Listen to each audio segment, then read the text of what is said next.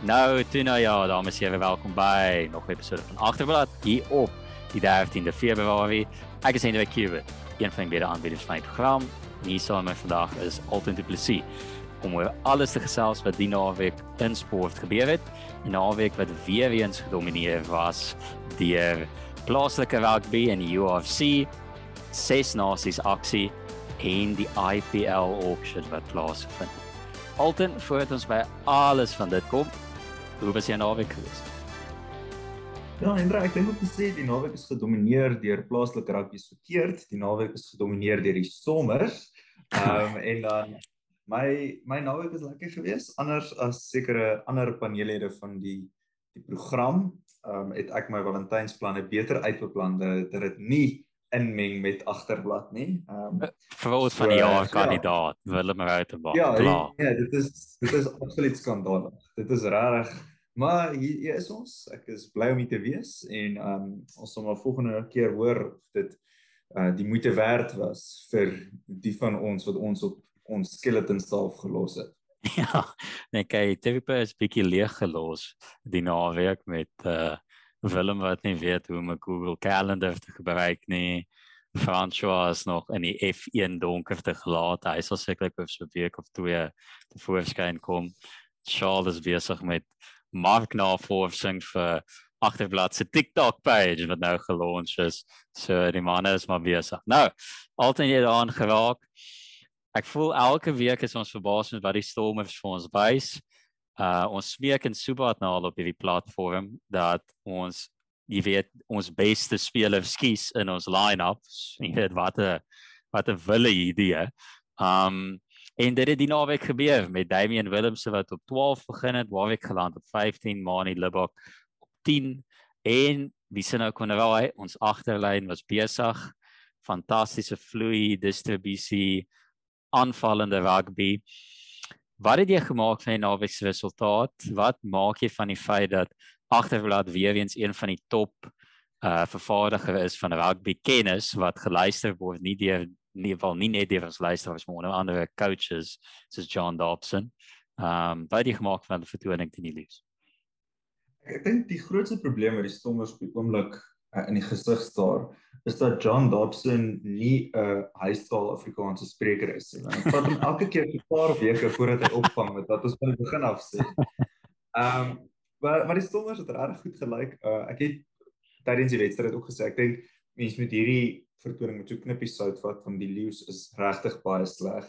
Ek dink dit is dis vir ou Cash van Rooi en hulle wat wel Afrikaans is 'n groot terugslag dat ons nie regtig oor die Lions praat nie, maar dan sal hulle ook miskien 'n paar wedstryde kon wen wat ek weet nie hoe hulle span gekies word nie. Hulle speel 'n heel agter op 10 met 'n goeie 10 op die bank. Hulle speel ewig Viljoen wat elke posisie in die agterlyn kan speel, maar ook nie regtig nie op heel agter en dan vir Similani op die bench, dis alles baie vreemd. Maar die Stormers ek dink dit was regtig baie goeie vertoning weer eens. Ek dink daar was 'n paar foute tussenin. Jy kon sien dit is um nie 'n volmaakte vertoning gewees nie, maar ek dink die vertoning het baie potensiaal gewys en en hoekom dit die moeite werd is om aan te probeer speel met Damian Willems op 12 geland op 15 en en en Libok op op 10.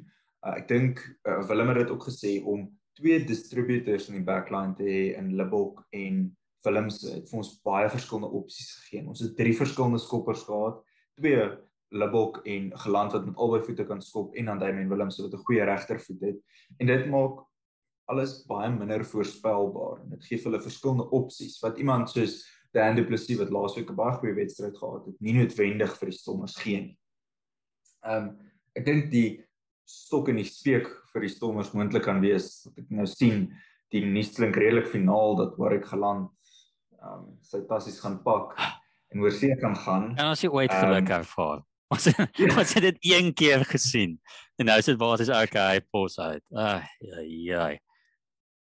Ja, ja, ek so dit is dis nou maar een van daai dinge, maar ek dink vir die tyd wat geland op so by die Stormers is, dink ek regtig hulle moet voortgaan met die balans wat hulle Saterdag gespeel het. Ek dink dit het baie baie potensiaal. Ja, kyk, ek dink ons het al geraak aan die feit of die idee of rondgebons om dit by bokke te probeer soos wat Engeland baie keer praat van 'n double pivot hoe hulle ou en Farrell gebruik saam met iemand soos Marcus Smith of George Ford of die ook hulle op 10 het. En hoe dit net as jy vinnige bal kan kry, hoe goed dit jou agterlyn vinnig in plek kan sit en die spel hou nooit op, is konstante druk in plaas van om eers almal in plek te kry of te wag vir die 10 om weer terug in posisie te kom en almal rond te skuif. Kan jy baie vinniger bepaal okay wat se kant toe om met die bal te gaan, wie jy in plek sit vir sê net maar set play of af van die raak af, uh, jy weet 'n spel wat jy daar beplan het. En ek dink dit het gewys in die weer eens, so Damian Williams se twee twee assists kry.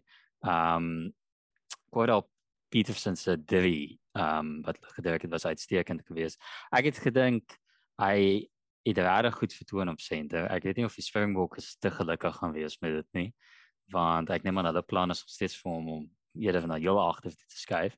Soos jy sê, ek dink was goed wat op kan verbeter. Dit was nou nie perfek geweest nie, maar ek dink ons het gesien wat se potensiaal daar lê en al is dit nou net tot die einde van die seisoen soos jy sê, is dit definitief iets vir die Stormers kan baat om ESA konferensie te wen en ten minste die Europese rugby speel. Soos wat hulle tans staan kwalifiseer hulle vir die ja die uitspel rond is na die tyd ook. Um ander ou wat vir my ook uitgestaan het, um Paul de Wet, nommer 9 wat in plek van Rosiankies. Ek dink hy het uitstekend by die hele ander dinamika na het gebring dis nou niks teen nou so nie, maar ek dink hy het half ook 'n steek te die claim gesit om op 9 te begin vir die Stormers en uh dalk crucial te laat worry with sy plek in die span. Ja, ek ek dink wel die goeie nuus vir Herschel is ek sien hy het 'n nuwe kontrak gesluit hierdie week. Ja. Ehm ja. um, maar, maar ek was ook baie beïndruk met Paul de Wet. Hy het die paar vorige weke wat hy van die bank af gekom het, ook gelyk asof hy bietjie ehm um, energie bring as hy op die veld kom. Uh, wat eintlik nogal sleg is want dis eintlik waar vir Herschel jantjies bekend is, is hierdie Ja, dis sy rol in die Springboks span. Dis al ja, energie van die bank, ja. Dit is, ehm um, dit voel vir my as Virgin Yankees bietjie bietjie off the boil gegaan het. Hy's nie so lekker lekker op vorm nie. So dis miskien nie vir hom ook die slegste ding om net bietjie op die bankie te gaan sit nie. Almal weet hy's 'n kwaliteitsspeler daar. Dis net partykeer net bietjie iets verander, ehm um, tot 'n bietjie kans gee om weer sy voete te vind.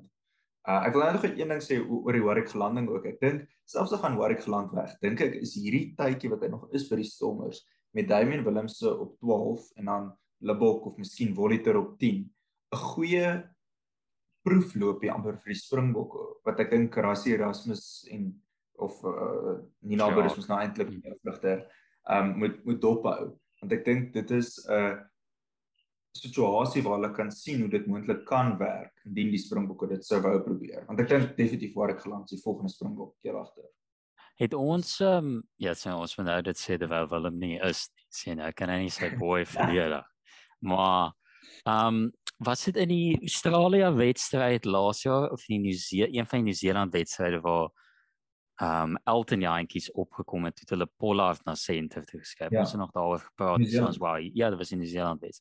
Die potensiaal wat dit toon. Maar ek dink dis waantoe met Davin Rugby al beweeg is om iets soos 'n double pivot dimensie te speel. Is dit dalk hier heel agter? Alhoewel mense sê wil hy nou daai rol speel by Springbokke. Ons het gesien met Skotland byvoorbeeld met hoe Stuart Hogg in 'n uit die agterlyn ja. beweeg saam met der Walt as der Walt op die veld bly. Maar ehm um, ek dink definitief ek wil net vir vra indien iemand soos 'n Kate wil hier terugkom. Waar ons hom ook dan in die span en pas is ons op pad om net basies jy weet 10s en 15s oral oor die veld te speel. En dalk is daar potensiaal om dalk ek weet nie of Lubbock 15 kan speel in geland se plek of hoe ons gaan maak nie, maar ehm um, dink jy hy skuif in die agterlyn in of dink jy hy sal half meer roterend speel? Ehm um, as hy terug. Ek dink hoekom ons gaan vir 'n double pivot, ek kan gaan vir 'n triple pivot. Aha. Sit hom op 13, dan gooi ons net baie balle heel daar. Ja, ons nee. pas net. Dis al wat ons Ja, dis is op uh, wat se rugby 5 rugby 6 PlayStation R1 net al die pad so die kant bly. Tiki taka rugby op op uh, op nie te ja, ek ek dink ek ek dink ehm um, langtermyn is Kate Voliter iemand wat SA rugby baie hoog ag. Ek dink ons het van die begin af al gesien wat hy in daai groen en goud wedstryd gespeel het. Dis dis duidelik dat Suid-Afrikaanse rugby 'n lang plan met Cape Volley te red. Hoe dit op die kort termyn gaan uitspeel, is ek nie heeltemal seker nie. Ek dink ten minste vir die volgende paar weke sal Voliter nog by die WP span in die Karibeker speel. Ek dink net om hy was nou vir dit 'n jaar omtrent uit, uh, net om vir hom weer kans te gee om stelselmatig weer in die ding in te kom. Um bietjie vertroue in die liggaam weer op te bou en so. Ek dink na dit, na hy sy voete weer gevind, dink ek hy gaan inskuif op 10 vir die Stormers. Um if nothing else net omdat hy so hoog geag word en so blink toekoms voorsien word voor. Dink ek hulle sal vir hom daai geleentheid gee om dit te doen. En Libbok het van tevore al 15 gespeel. Ek weet nie of hulle hom sien te sal skuif nie. Hulle hou van Tristan Lights ook daar. Uh miskien skryf hulle selfs vir Willems terug 15 toe. Ek hoop nie hulle doen dit nie. Um maar ek dink dit gaan aan ek dink Libbok gaan moontlik bankie toe skuif dan. Uh dat hulle ander opsies gaan probeer. Um maar miskien, maar ek dink definitief Voliter sodra hy weer volle fiksheid het en vertrou in die liggaam opgebou het, gaan hy in 10 inskuif. Ek dink hy word te hoog geraai vir om dit nie te doen nie. Ja, ek dink dit met Libbok, ek dink ons ons kla altyd effens so die feit dat ja ja dat konstante vertonings dit na mekaar agter en volgende goeie vertonings gegee en ek dink hy het die laaste 3 weke eintlik baie goed gespeel. En ek dink op heel agter kan hy werk, hy het 'n reuse skop krag, ons het gesien met die 50-22 wat hy in die wedstryd gegee het ook. So ja. ehm um, ek weet dit. Dis dis goeie probleme op die oomblik vir Stormers om te hê. Ehm um, ons het gesien met man wat Evan Roos ook vervang en die Northern Dance ook uit daar uitstekend hy ook vertoon. Um Ja, dat daai man is uitstekend. Ek dink ek het in die wedstryd op gesê ek dink hy is iemand wat nie net nog nou nie maar oor 'n paar jaar eintlik ideaal vir die Bokke kan werk op 'n 6-2 split want hy is 'n voorspeler wat legitimately 'n uh, posisie in die agterlyn kan cover want hy's so vinnig en so sterk. Um ek ek dink dit is dis fantasties vir die Stormers. Ek dink hulle het regtig baie goeie diepte. Ons sou dit nie 'n paar weke gelede gesê het nie, maar op basies al die posisies in die span buiten sit omtrent. Soos die Sandy sukkel regtig elke keer wat hy opkom. Ek kan die verskil sien tussen hom en Brock Harris. Maar buiten buiten dit, ek bedoel selfs oupa Dion Fourie, dit dit was sy tweede man of the match in 'n ry. Dis fantasties vir ou wat 37 is, 36. Ja, kyk, ek dink op flank ons dalk nog iemand wil inkry en dalk center paar, maar ja, dit gaan interessant wees om te sien hoe dit nou loop in uh, die volgende so is nou 'n week af en dan gaan die Stormers weer se vir een wedstryd dan kom hulle weer terug. Um wat so voordat ons nou raak aan wat ons nou dink weer eens hulle kanse nou is. Vir elke week dink ons okay, goed, jy was nou lekker geweest, maar die bubble gaan nou bars. En hulle staan se span op vorm in SA rugby. Maar dit vat ons dan net in die ander plaaslike wedstryd wat gebeur in die naweek. Hy het in die bulle op loftes. Ja, hy het 29 22 wen het. Um baie die gemaak van die wedstryd. Ek neem aan die mees skokkende ding wat eintlik gebeur het is die feit dat Mornay Stein afgestuur is in die eerste 10 minute. Ek dink dis dalk die laaste man wat mense sou verwag om 'n rooi te kry. Uh baie die gemaak van die Haie se vertoning het hulle bietjie beter op die veld vir gelyk met al daai talent. Ek sien hulle kry nou nog 'n voormalige Stormer speler in. Duidelik like hom aan om te trek daai kant. En nou ewen Etsebe die week in die nuus nou dat hy vir hulle gaan uitdraf. Uh wat die gemaak vir hulle vertoning en ja, van die wedstryd in algemeen. Ek ek sien mense sê nou die Haie met hulle hoofkwartiere skuif van KwaZulu-Natal af hier so op die grens van die Oos-Kaap en die Wes-Kaap en dis waar al hulle spelers vandaan kom.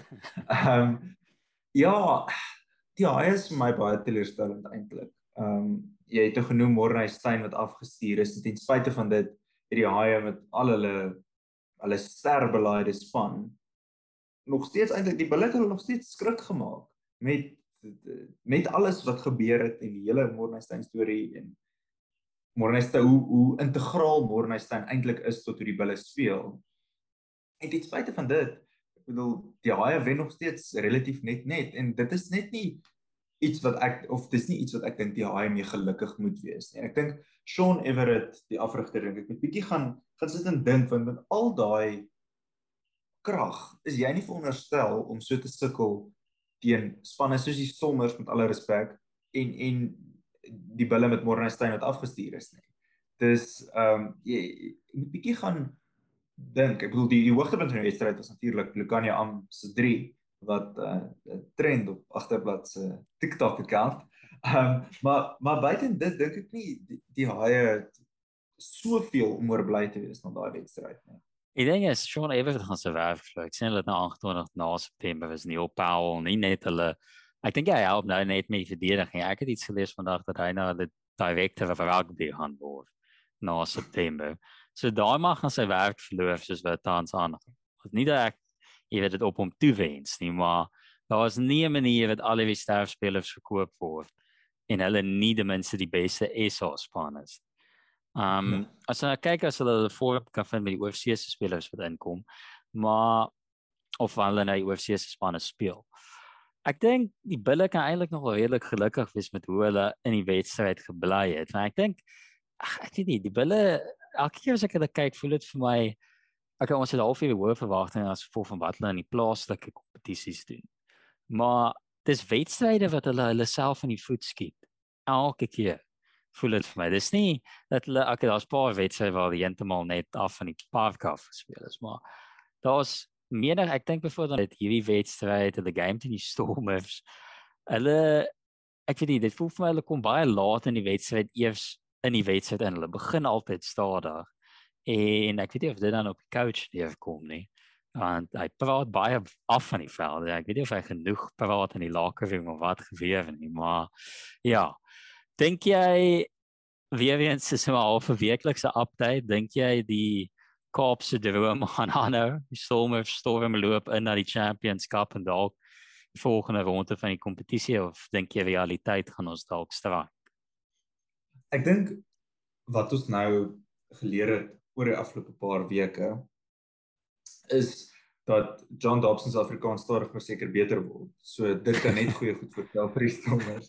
Ehm um, ja, ek dink John Dobson dink ek nie so fantastiese afrigter. Moet my nie verkeerd verstaan nie. Ek was al baie krities van hom. Ek dink nie hy's noodwendig 'n fantastiese rugby brein nie. Maar wat ek dink John Dobson is ek dink hy's 'n ongelooflike ondersteuner van sy spelers sometimes to a fault. Soos hy sal sê elke ou, hy het gesê Marcel Tennyson is die volgende groot ding en hy gaan nog diep spore trap in Suid-Afrikaanse rugby. Hy sê dieselfde oor elke speler wat deurkom. Maar ek dink wat dit goed is, is as jy 'n span het wat begin challenge vir goed. Dink ek gee iemand soos John Dobson vir spelers baie selfvertroue want jy weet maak nie saak wat gebeur het. Hierdie ou het my back. Uh hy hy's amper soos ons gesien in Engeland se Ashes disaster die negatiewe kant daarvan waar jy nie 'n coach het wat streng en hard op spelers is nie. Maar dan sien jy in, in ander fasette waar dit baie positief kan wees vir 'n coach om so ondersteunend te wees. So ek dink solank as wat die Stormers 'n redelike momentum hou en in die hand bly dink ek is John Dobson 'n baie goeie ou om daar te hê want ek dink hy het soort van daai dis is 'n positiewe siklus. En John Dobson dink ek is baie siklies as dit negatief begin gaan dan spiraal dit so soort van af maar dan as jy bietjie momentum kry dink ek dit kan nogal spiraal. So ek dink die Stormers droom kan aangaan. Um totdat al die loskakels beseer word en Dewald Dievenaar geweer vlug van die finaal speel om die paal te skop. Maar sit dan sit ons boy op die in die Karibeker weer so wie weer weer te verstaan oor daai hy is weg. Hy is weg om op te kom. Ja, ons goeie vriend Tim Swill. So Maar hopelik in die toekoms ons goeie vriend so. Met hoeveel ons hom ondersteun met op, op hierdie podcast kan ek sien hoe hoe dit is. Ja, gaan interessant om sien om sien hoe dit nou gaan gebeur met die ISO span wat oorgaan oor twee weke en dan verwelkom ons hopelik nou uiteindelik die Europese spanne hier na ons toe. En ek dink dis van ons nou werklik gaan sien um, hoe goed hoe goed die plaaslike spanne kan vertoon. Nou praat ons van oorsese spanne, die ses nasies se tweede naweek uh die naweek nou weer plaasgevind. Dit gaan net veel raak aan die Engeland-Italië wedstryd wat vandag gebeur het. Dit 33-0 vir Engeland geëindig. Ek weet hulle sê Italië se jeugspanne doen nou baie goed in rugby. Hoopelik vir hulle paar kom hulle binnekort in. Hulle het 'n jare laaste wedstryd in die kompetisie gewen. So uh, ja, Ek weet ek dink hulle het goed gespeel laasweek in Frankryk, want vandag ja, as jy 33-0 verloor, sou reg veel om te sê. So, die prima wedstryd wat die plaasgevind het, was gisterand in die state Frans, Frankryk en Ierland. Uh twee van die manne of twee van die spanne wat hulle eerste wedstryd gewen het. Um baie taai wedstryd gewees. Ek dink dit in die begin gelyk of Frankryk dalk kan weghardloop met die wedstryd veral hoe hulle begin het. En aan die ou einde het hulle toe 30-27 gewen. Wat het vir jou uitgestaan in die wedstryd? Wat se speler het dalk vir jou 'n uh, Kevin rol gespeel in dit? En dink jy Frankryk gaan die momentum dra in hulle volgende drie wedstryde? Frankryk is regtig die vreemdste span in wêreld rugby. Dit is vir my gevoel na wedstryd gisterand asof hulle vir 70 minute heeltemal oorheers het en in die ander 10 minute vir vir verdeel in stukkies deur die wedstryd. Is waar Ierland al hulle punte gekry het. Hulle het 2-3 afgestaan, ek dink 3 minute om te wen want dit is asof hulle hele span net afskakel en niemand is by die huis nie, niemand weet wat aangaan nie. Ehm um, maar vir die res van dit dink ek Frankryk was baie goed geweest. Ek dink Frankryk besig om 'n span te raak wat mense meer rekenskap moet hou. Uh, ek dink ouens soos die heel agter Jamine wat deurkom, uh, ek dink hy is vir hulle 'n uh, ongelooflike wapen want hy skop so goed paal toe. Uh dit was basies dele in die eerste helfte waar hulle kom net in Ierland se helfte in kry 'n penalty en skop hy oor 3-3-3-3-3 dis hulle wat 22-7 voor halftyd. Um, so dink hy's hy's baie goed. Dink hulle is besig om 'n goeie pakhoek te bou. Um, hulle het natuurlik vir Paul Willemse wat slot gespeel het wat lyk like, asof hy 'n goeie speler is, Cameron Walkie wat saam met hom slot gespeel het wat verskriklik vinnig en rats en goed vir 'n slot is. En dan die die kommentators het heeltyd gepraat oor die 4 19 stone spelers wat hulle van die bench af kan bring. So hulle is besig om half sterkpunte te bou en goed wat nie tradisioneel sterkpunte vir Franse rugby is nie. Hulle goeie voorspelers, veral goeie um losvoorspelers vir die agste man Aldrit wat weer man van die wedstryd was, baie goeie speler is. En dan het hulle nog steeds die flair in die agterlyn met Intermak um en, en hulle linkervleuel kan jy sien Villiers van 'n vreeslike Villiers vreeslike hmm. Franse naam wat op hy uit lyn besraap uitkom. Hmm. Ja, kyk, hulle het dan uh, die hele die hele mees Franse agterlyn ooit, maar hy hy hy was uitstekend. Ek gaan nou daaraan raak, maar dan moet ek nou weer in die weer van, maar hy was hy het die hele tyd punt gemaak van hoe klein ouetjie hy is. Hy die ewse kommentators wat ons gehad het op die wedstryd, maar jy doen klein ouetjie is en al daai en hoeveel krag hy het. Hy steen toe as so 'n ja. Engelsman sê so pound for pound. Sterkste op die veld. Daar was menigte kere waar hy die ewige nommer 14 en veral ek dink was aan die eerste helfte om 10 meter agtertoe gedryf het uit die soos uit die um kantlyn uit en menigte haar wat hy gesê hy was uitstekend op verdediging. Hulle het gepunt ja. gemaak dat die Franse coach aandring dat sy beste eienskap wat bring na hy aanval, is hoe goed hy verdedig, bal kan terugwen, al daai tipe goed. Ek dink hy het uitstekend vertoon. Hy was in die mix vir my vir speler van die wedstryd ook. Ja, hy het Ierland se regte vir dit simpel lyk. Like. Hy het reg boor om gehardloop op iewers in die tweede helfte. Ja. Ehm um, so hy was my baie goed geweest. Maar ja, daai hele baie Franse Franse agterlyn dink ek sal moeilikheid verskaf vir enige span wat hulle teen speel. Ja, ek ek stem saam met jou. Ek dink met hoe die wedstryd begin het.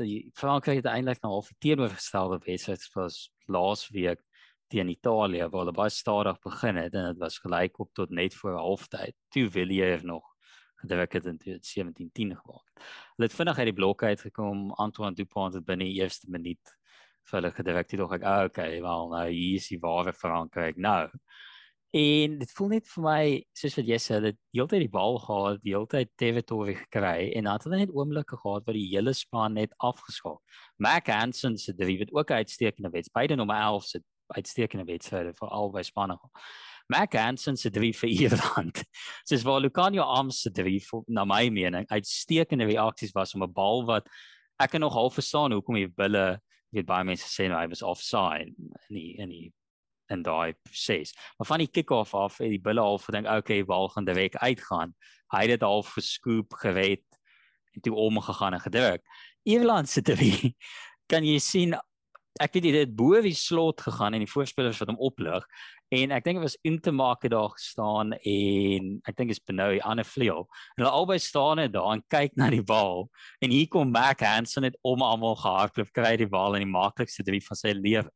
So dit was oomblikke soos dit hulle Eweland het direk na die breek ook gedruk toe het gelyk het asof Frankryk momentum gaan kry. So ek sou vir Eweland definitief krediet gee vir hulle, jy weet, fighting spirit wat hulle gehad het om in die wedstryd te bly. En ek dink hier by 60ste minuut het dit begin lyk asof Eweland half momentum in die wedstryd gekry het. Hulle skram skakel. Dis sy naam gaan nou kan hy sy naam daai, maar hy het ook uitstekend verder gespeel. Um hy het, hy het een kans ook opgestel wat hulle toe opgehou het op die doellyn, maar ek dink met Frankryk is dit die vraag is altyd dis wat hulle met ook laas ek jy weet wat se Frankryk gaan opdaag op die dag. Hulle het soveel talent in daai span nou. Hulle is half soos wat die haie is wat ons kla, jy weet wanneer gaan julle dit wys?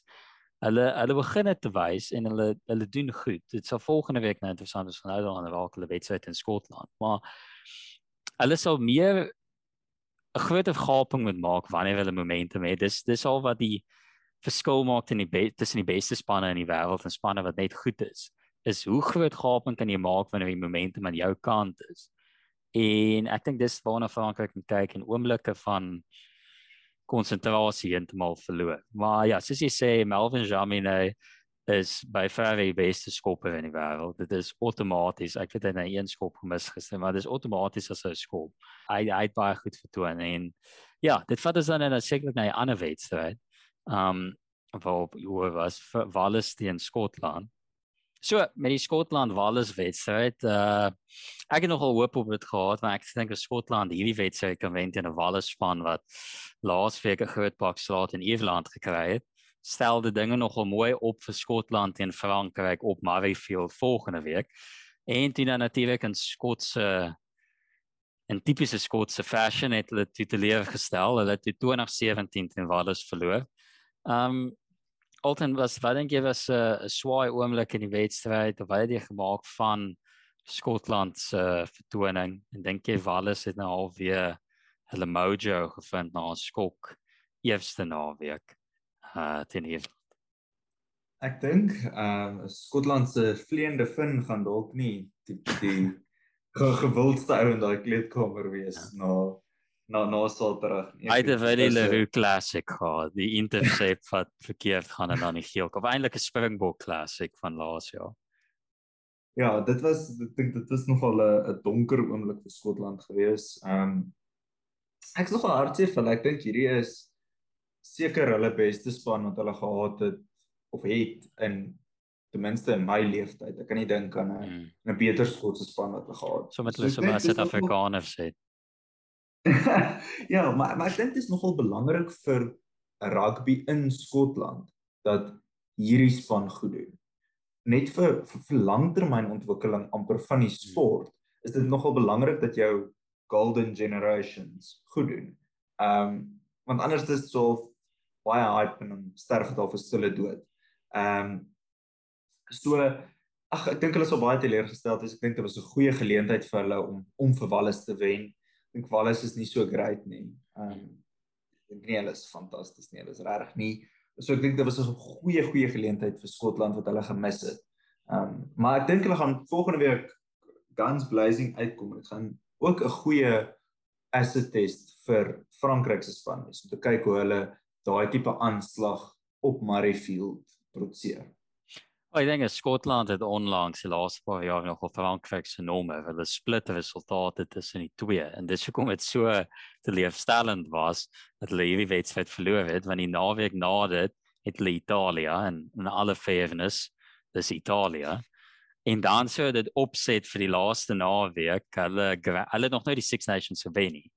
Um Skotland en dit sou hulle opset vir 'n wedstryd in Ierland op die laaste naweek met die moontlikheid om die Six Nations te wen en 'n Grand Slam alles. Nou dit sou natuurlik sou die Frankryk moes wen in Ierland. Maar hierdie was eers 'n stap weer daartoe en dit is net 'n wedstryd waar hulle nie hulle kansse gebruik het nie. Hulle was soveel keer in die Walliese territorie en dan is dit die een simpelste foute wat hulle maak. Um ek dink hulle sal teleurgesteld wees um met hulle handling errors wat hulle gehad het. Menigte kansse waar hulle kon spread na die vleuel en dit geskop het. Ek het gedink Finn se wedstryd was maar buite die geel kaart nie so gewy nie. Ek dink Stoof daar goed baie goed gespeel in die wedstryd. En Wallis, ek weet hulle hele span is omtrent beseerd, so hulle speel maar met jy weet kinders basies. En ja, ek weet hier vir Skotland, ek dink hulle gaan terugkyk na 'n groot misgeleentheid. Ek dink die finne was vir kaart was 'n uh, death send geweest met 'n wedstryd wat 17-17 gelyk op is. Okay, hy het 'n moontlike 3 gestop. Dit sou 'n 3 wees. Maar om 17-17 gelyk op te wees, jy verloor jou hoof playmaker en hy kom toe op my laaste 2 minute. Dit is die skade nou eintlik gedoen. Dit het Wallace nou met Dan Bigger oorgesit in die wedstryd te voorgeloop. En Skotland kan ook nogal teleurgestel wees met die ref in die wedstryd. Uh Suid-Afrika se goeie vriend Nick Berry wat die wedstryd geblaas het. Um want Wallace moes 'n rooi kaart gekry het in die laaste 2 minute net toe vinne was sal opkom was daar 'n tackle gemaak deur hulle nommer 6, Wallace se nommer 6.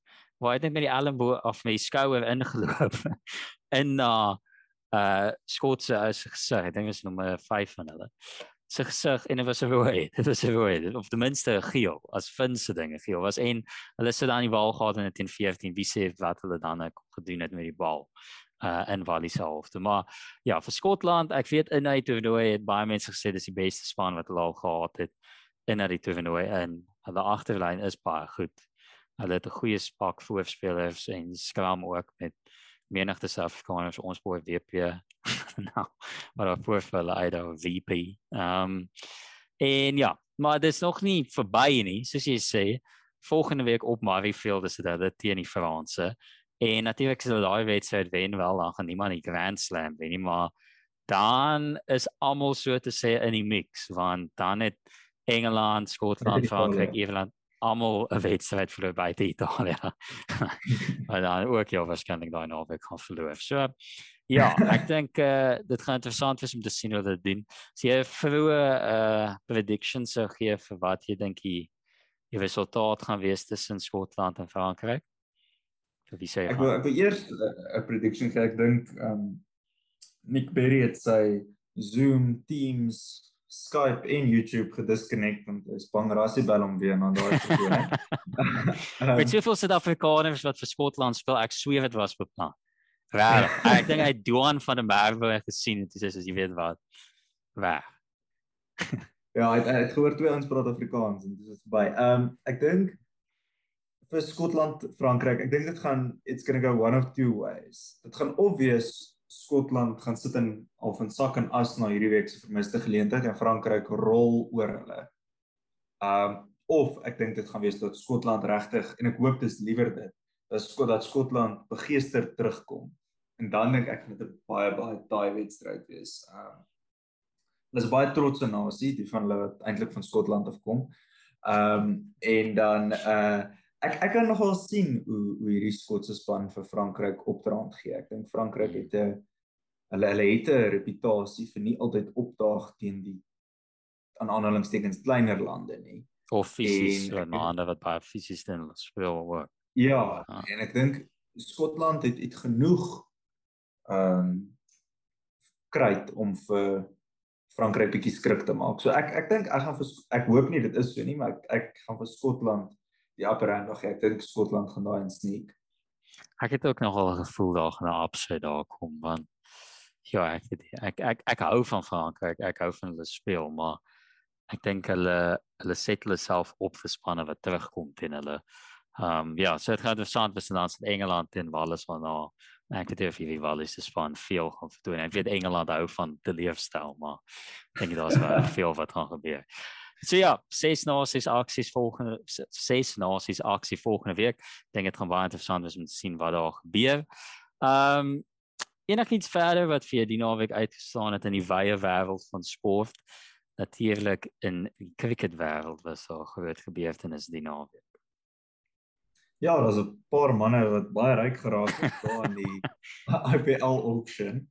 Ehm um, ja, dit was die mega auction in die IPL gewees soos hulle dit noem met twee nuwe spanne wat nou bygevoeg is want die IPL was nie reeds lank genoeg of 'n groot genoeg deel van die cricketkalender nie dit was nodig dat nog twee spanne bygevoeg moet word is nie 'n groot IPL fan nie. Ehm um, maar nee, dit is yes, daar's daar's te veel goud en te veel dansers en elke min Proteas wat meer vir die Proteas wil speel na hulle daar ja. speel. Nee, by TM breek en dan is daar 'n uh, DHL maximum en ja, dit is net een advertensie na die ander. Uh maar ja, ehm um, klomp Suid-Afrikaners wat 'n uh, redelike neseiertjie vir hulle daar opgebou het. Uh, ek dink die groot nuus oral die soort van shockwaves oor die wêreld is Dewald Brewes wat 'n groot kontrak gekry het. Uh ek dink almal het gedink hy gaan 'n kontrak kry. Uh, ek het gedink die Royal Challengers Bangalore sal teken om die hele AB de Villiers legacy voort te sit met Baby AB.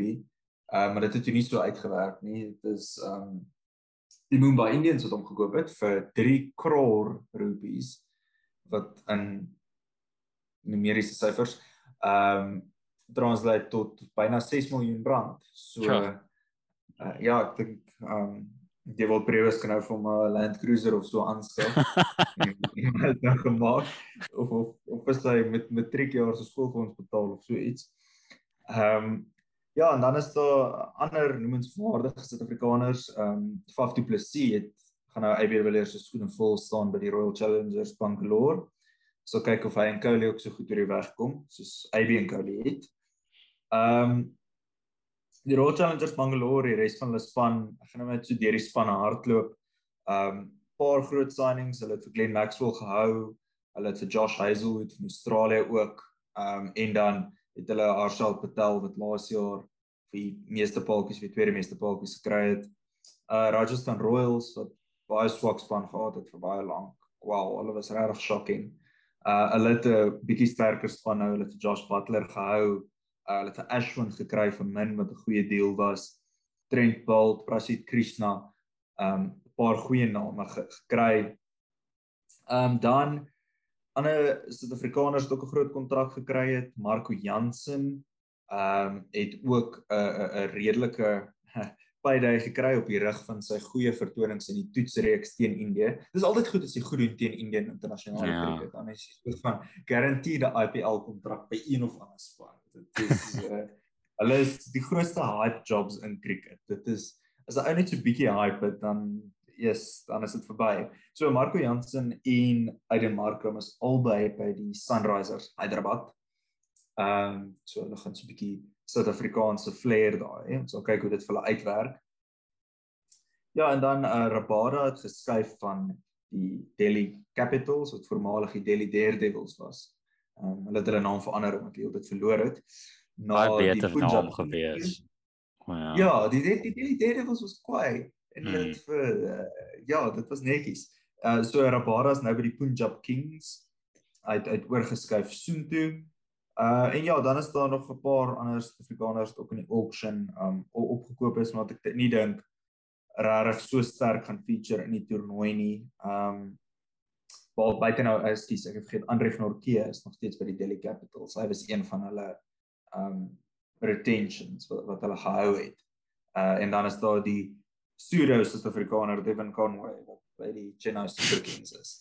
Ehm um, maar ek dink ek dink hierdie auction is baie goed geweest. Ek dink dit gaan alles hopelik bietjie meer gelyk maak in die IPL. Ehm um, met die nuwe spanne die Lucknow Super Giants, uh nou die Super Kings en die Super Giants in die toernooi. En dan die ander span se naam o, is die Gujarat Titans. Ehm um, is is die ander nuwe span. Ja, soos ons Titans daar die wat by was na kans was. Ja, hy het net al kans was vir double titan up. Dink jy is bietjie te vroeg vir hom met al die hype. Dink jy is iets van ons met Warriors Suid-Afrikaanse aanhangers of Protea aanhangers. Is dit dalk bietjie te veel, bietjie te vroeg is of dink jy is beter om hom hier aan die diep kant te gooi? Ek dink dit gaan baie goed wees vir Dewald Brewe se ontwikkeling om saam te gaan op die ride van die IPL. Ek dink hy gaan nou meng met wêreldklas spelers. Ek bedoel by die Mumbai Indians het hy net off the top of my head uh Rohit Sharma wat saam met hom daar is. Um Kieran Pollard as ek reg onthou. Um so hy gaan met 'n paar groot name, Ishan Kishan, um hy gaan en Jasper Bumrah, hy gaan met 'n paar groot name meng wat goed vir sy ontwikkeling gaan wees. Ek dink die enigste mense wat hierdie sleg is as Mumba Indians. Ek kan nie verstaan hoekom hulle so baie geld vir hom betaal het nie. Want met met alle respek, die ouetjie is hy baie goed gedoen teen sy mede-matriekleerlinge. Maar hy het nog nie gespeel teen mense op 'n hoër vlak nie. Hy het sy eerste T20 wedstryd vir die Titans gespeel gister. Uh, en hy het 23 van 25 balle gekry en hy's gedrap op 0. So verstaan dis 'n massive step up. So ek dink om te dink dat hy nou al die paal gaan kan haal in die IPL is nie realisties nie. Hy het natuurlik baie talent en ek dink hy's Suid-Afrika se volgende goeie speler. Maar uh jy moet hom bietjie kans gee om, om te ontwikkel. So miskien dink jy Mumba Indians hulle koop hom nou en ons hou hom vir die volgende 10 jaar. So ons flash nou dat iemand anders hom nie kan kry nie. Miskien. Nou praat ons van Proteas en die manne wat nou vir hulle speel. Natuurlik ook hierdie komende week begin die eerste toets teen Nieu-Seeland in Nieu-Seeland. Wat dink jy jou gedagtes in na daai wedstryd? Die groot uh nuus wat natuurlik uit dit uitkom is dat Keegan Peterson nie toegelaat is om na Nieu-Seeland toe te gaan nie. Vir een of ander simpel rede alhoewel hy tans vir die Dolphins uitdraf is hy nie toegelaat om na Nieu-Seeland te gaan nie maar Nieu-Seeland mis ook natuurlik hulle kaptein.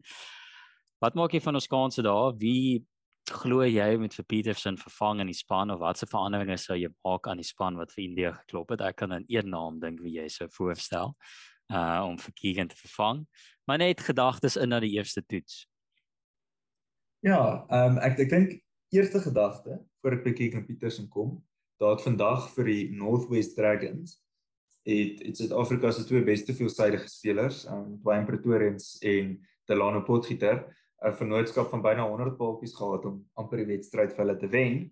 Ehm um, so ek hoop dat ons een van daai twee name ook binnekort weer in die toetsspan gaan sien. Ehm um, op Keegan Peterson, ag almal weet nou al ek wil hê Ryan Rickelton moet hom vervang in span. Ek dink Ryan Rickelton is 'n ongelooflike speler en ek wil hom baie graag sien speel. Maar ehm um, Dean Elgar het redelik tydelik aangedui dat Ryan Rickelton derde in die ry staan om vir Keegan Peterson te vervang. Uh dit klink asof Sak Sarel RW die die frontrunner op op die oomblik is. Ehm um, dink jy hulle sal hom open of op drie laat golf? Yes, ek hoop hulle laat hom open en skuif vir Markram af. Ek dink nie Markram moet open in Nieu-Seeland nie, maar ek dink nie dis wat gaan gebeur. Ek dink hulle sal vir RW inskryf op 3. Ehm um, en dan het Elgar aangedui RW is 'n soort van hoofkompetisie is is Zubair Hamza um, van van WP wat al wat 5 toetse gespeel het vir die Proteas. Nie regtig die mas kon opkom nie. Ek het gemiddeld van 18 of so gehad na sy 5 toetse. Ehm um, Maar maar ons sal sien. Ek ja, ek ek sal graag vir Rickelton wil sien, maar ek dink jy ons gaan nie. Ek dink dit gaan ek dink dit gaan Sarel RW wees op 3. Ehm um, en dan die res van die span maar basies dieselfde. Ehm um, met miskien net met Maraj wat wat gedrap word omdat ons in Nieu-Seeland speel. Ehm um, jy sê dink met jy sê dink hulle saam daar. Ja. Maar ja. Ja maar ek ek kort 'n goeie veldwerker. Ehm um, en Maar wat ek dink hulle is en dan is dit 10 teen 1 ehm um, Jan Mulder wat inkom. Ja. Ha, ja. ons sal sien. Uh Hy ek hy is dit ten minste goed kan bal op daai pitches. Daai ja, pitches doen bietjie. Ek gaan vir bowler, maar ja, ek hoop vir sy part hy hy kry kans om goed te vertoon. Um natuurlik sit ons sit ons ook met die uitdaging dat ons teen soos wat jy net gestel het, 'n Suid-Afrikaner Nieu-Seeland se nuwe ster opener Devin Conway te staan gaan kom. Wat maak jy van net ons kanse in die week? Sy is nou obvious om te verduidelik op die blaaie waarop ons gaan speel, maar in nou jou eerste toets wat skat jy is ons kanse om uh weg te stap met 'n wen? So, die een ding wat mense moet besef oor Nieu-Seeland, ten spyte van die feit dat hulle teen Bangladesh verloor het vroeër hierdie jaar in 'n in 'n toets, is hulle is 'n ongelooflike goeie span in Nieu-Seeland. Rarig, hulle die die baanblaaie pas hulle. Ehm um, terloops interessante feit, Nieu-Seeland is omtrent die enigste land in die afgelope 4 jaar waar dit relatief teenoor die ander lande makliker geword het om te golf teen swing bowling omdat dit so moeilik was die vorige jare. Ehm um, net 'n terloopse punt. Maar hulle hulle bowlaanval is baie goed vir hulle omstandighede. Vir Bal Selvi wat wêreldklas swaaibal bowlers is, dan jy uh Jameson wat 3 meter lank is en relatief vinnig bal. Jy het Neil Wagner wat basies net kort balle heeldag kan bal en 30 balbeurte in 'n dag kan bal wat ongelooflik is. En dan het jy hulle veelsidige spelers wat Tintini of Colin de Grandom of ehm um, Daryl Mitchell uh sou wees. So dit is regtig 'n baie goeie bouaanval vir daai daai omstandighede. Ek kan nie dink dat hulle draaihulp bowlers sal speel nie. Hulle gaan ons probeer uitswaai. Uh die een area, die een area waar Nieu-Seeland bietjie dun is, onverwags eintlik, is in hulle golforde. Hulle het twee goeie openingskolwers. Um hulle hulle het vir Conway gehad wat baie goed gedoen te Engeland en dan het hulle vir Latham wat een van die beter openingskolwers in die wêreld is. Um ek dink wat teen teen kan gaan gebeur is omdat Williamson beseer is, gaan hulle vir Will Young laat open saam met uh, Latham met Conway op 3. Maar dan is die probleem omdat Williamson uit is en omdat Ross Taylor uitgetree het, is daar 'n bietjie van 'n leegte in die middelorde. Um, en dan het hulle nog vir Watling, hulle sterpaaltjie wagter wat ook uitgetree het einde laas jaar. So hulle het vir Blandel wat nie regtig getoets is nie en dan het hulle al baie dun middelorde net met net Henry Nichols wat regtig al van tevore gespeel het. So ek dink daar's geleenthede vir ons. As ons 'n paar van hulle groot paaltjies kan kry, kan ons hulle vir redelik min uitknikker dink ek. Wat's jou uh prediction vir die wedstryd? Ek dink 1-1 in die reeks. Ek dink die reeks gaan 1-1 eindig. Ehm um, ek dink ons sal een wedstryd wen, maar ek dink Nieu-Seeland is te goed by die huis dat ons hulle sal whitewash en ek dink die die pitches gaan te veel doen dat ons 'n onbesliste uitslag sal sien.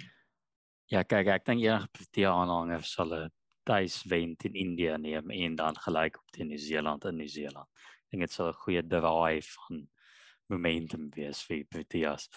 Nou ja, Uh al wat verder verder uitgestaan in die week maar is die F1 karre uh unveilings wat gebeur het van die spanne wat hulle nuwe karre vir die seisoen blootstel.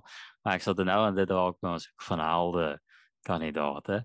Um wel as hulle 'n taalbord aanbied en die musiek cue en hier gaan ons met die vraag maar altyd ek dink jy gaan met vol punte wegstap die week aangesien jy basies vir aanwesigheid al die punte kry op ons skeleton staff program. Um so daar's nie regtig 'n direkte vraag wat ek vir jou daar kan vra. So ek sê eerder vir jou vra. Wie is jou held van die week? Wat se sportster het vir jou uitgeblink in die naweek of die voorafgaande week? Wie verdien om 'n agterblad se saal van 'n soek van helde ingesit? So my held van die week is is eintlik heel onverwags. Um dit is John Dobson. Ja. Ehm um, ten spyte ten spyte van van al die kritiek wat hy gevat het, ek sien hy staan bekend onder die dele van die Kaapse publiek as John Dobson, nie John Dobson nie. Ehm um, maar maar ek ek moet moet opkom vir die ou ten, ten spyte van dit dat hy hy's besig om die Stormers um in 'n 'n goeie span te te omskep wat kan challenge en in die woorde van Wayne Gavin Repepi op Facebook wil ek net sê die manne van die Kaap ons kap aan wie's niks kom haal julle pak asseblief. Ek het gesê ek dink ek sou dit sterk moet oorweeg om dit getatoeëer te kry as die Stormers die Championship wen. Dink ek of ek of ten minste jy weet nie ek nie ek dink die hele Stormers span met dit half op hulle hemde kry of getatoeëer kry of ek die wat gebeur want dit is voorheen om by te lewe daai. Wel kyk ek het nou regtig gedink ek sou die dag sien wat John Dobson in 'n agterblad se hoek van helde ingesit word en maar hier is ons. Um ek kan my hoek van helde kandidaat ook gee aan iemand wat ook uh, nogal fraudulent is. Um aan basis die Red Bull F1 span en Christian Horner wil bestuur wat die week soos ek net met um baie van die nuwe karre het blootgestel vir die nuwe seisoen spanne wat hulle karre bekend maak. Ons het Hasen gesien, McLaren, Aston Martin wat nou my mening die beste lyk. Ons sal nog in diepte delf en nou dit agterblad se F1 voorskou vir die seisoen. Maar Red Bull het besluit om die st stock standard FIA voorbeeldkar te vat wat hulle basies blootgestel het 3 jaar terug om te sê hy dis wolweg hoe die hoe die kar gaan lyk met die nuwe regulasies. Daai kar te vat, hulle paint job eerder op dit te sit wat presies dieselfde gebly het en dit te launch as hulle kar met meeste van die parte van die kar wat nie eens op die kar is nie. En dit het hulle gesê as hulle kar vir die seisoen waar hulle net al die pad gaan wag tot testing later die maand of heel waarskynlik in Maart om eers bekend te stel hoe hulle kar lyk. So hulle het besluit om basies die voorbeeldkar te aanweel as hulle kar vir die seisoen. So uh, vir daai fraudulence uh vat hulle my ook van helde kandidaat vir die naweek. As Skotland kon gewen het, sou ek hulle opgesit het, maar nou ja. Hulle kon nie haas dit moet trek nie. Nee, ongelukkig nie. En dit dames en here is die eindvlekkie wat blaas en dit bring hierdie episode tot 'n einde. So Alton voordat ons afklok, wat moet ons en die luisteraars na uitsien in die week wat voorlê in die wêreld van sport? So dis maar net soos jy genoem het die toets wat begin in Nieu-Seeland. Ek dink dit gaan 'n treffer wees. Uh, dit gaan lekker wees om ons manne weer in aksie te sien. Ehm um, ek kon daarom vir Marco Jansen sien bal toe ek vandag gekyk het hoe sy tweelingbroer Doan Jansen bal want hulle is ek is doodseker presies dieselfde mens. Ja, kyk, ek sê nog steeds daar's 'n druk wat ons daar mis om hulle nie net te irriteer nie. As een moeg geraak, jy aanhou te laat bal vir ek. Ek dink dit gaan wel 'n bietjie vreemd lyk as Jansen 50 overs overs in 'n dag bal. Gaan dalk verraad oor wees. Ehm um, ek gaan maar bly by die kandidaat waar ek nou nog heel episode half na verwys. Skotland en Frankryk volgende week op Murrayfield. Ek hoop werklik dat die Skotte soos jy kan sê kan terugkom ons van 'n uh, teleurstellende naweek en werklik waar hierdie ses nasies oopblaas en interessant maak en na die laaste twee naweke dan. En dis dan nou alles van ons kant af dames en here. Ons sê baie dankie vir die van julle wat luister het en dan gesels ons weer volgende week. Julle kan natuurlik ons vind op al ons sosiale media blaaie. Fees dit agter net eenvoudig agterblad op YouTube, Facebook en nou TikTok of @agterblad potgooi op Instagram en Twitter. Dis dan nou alles van ons kant af. Tot volgende week. Totsiens.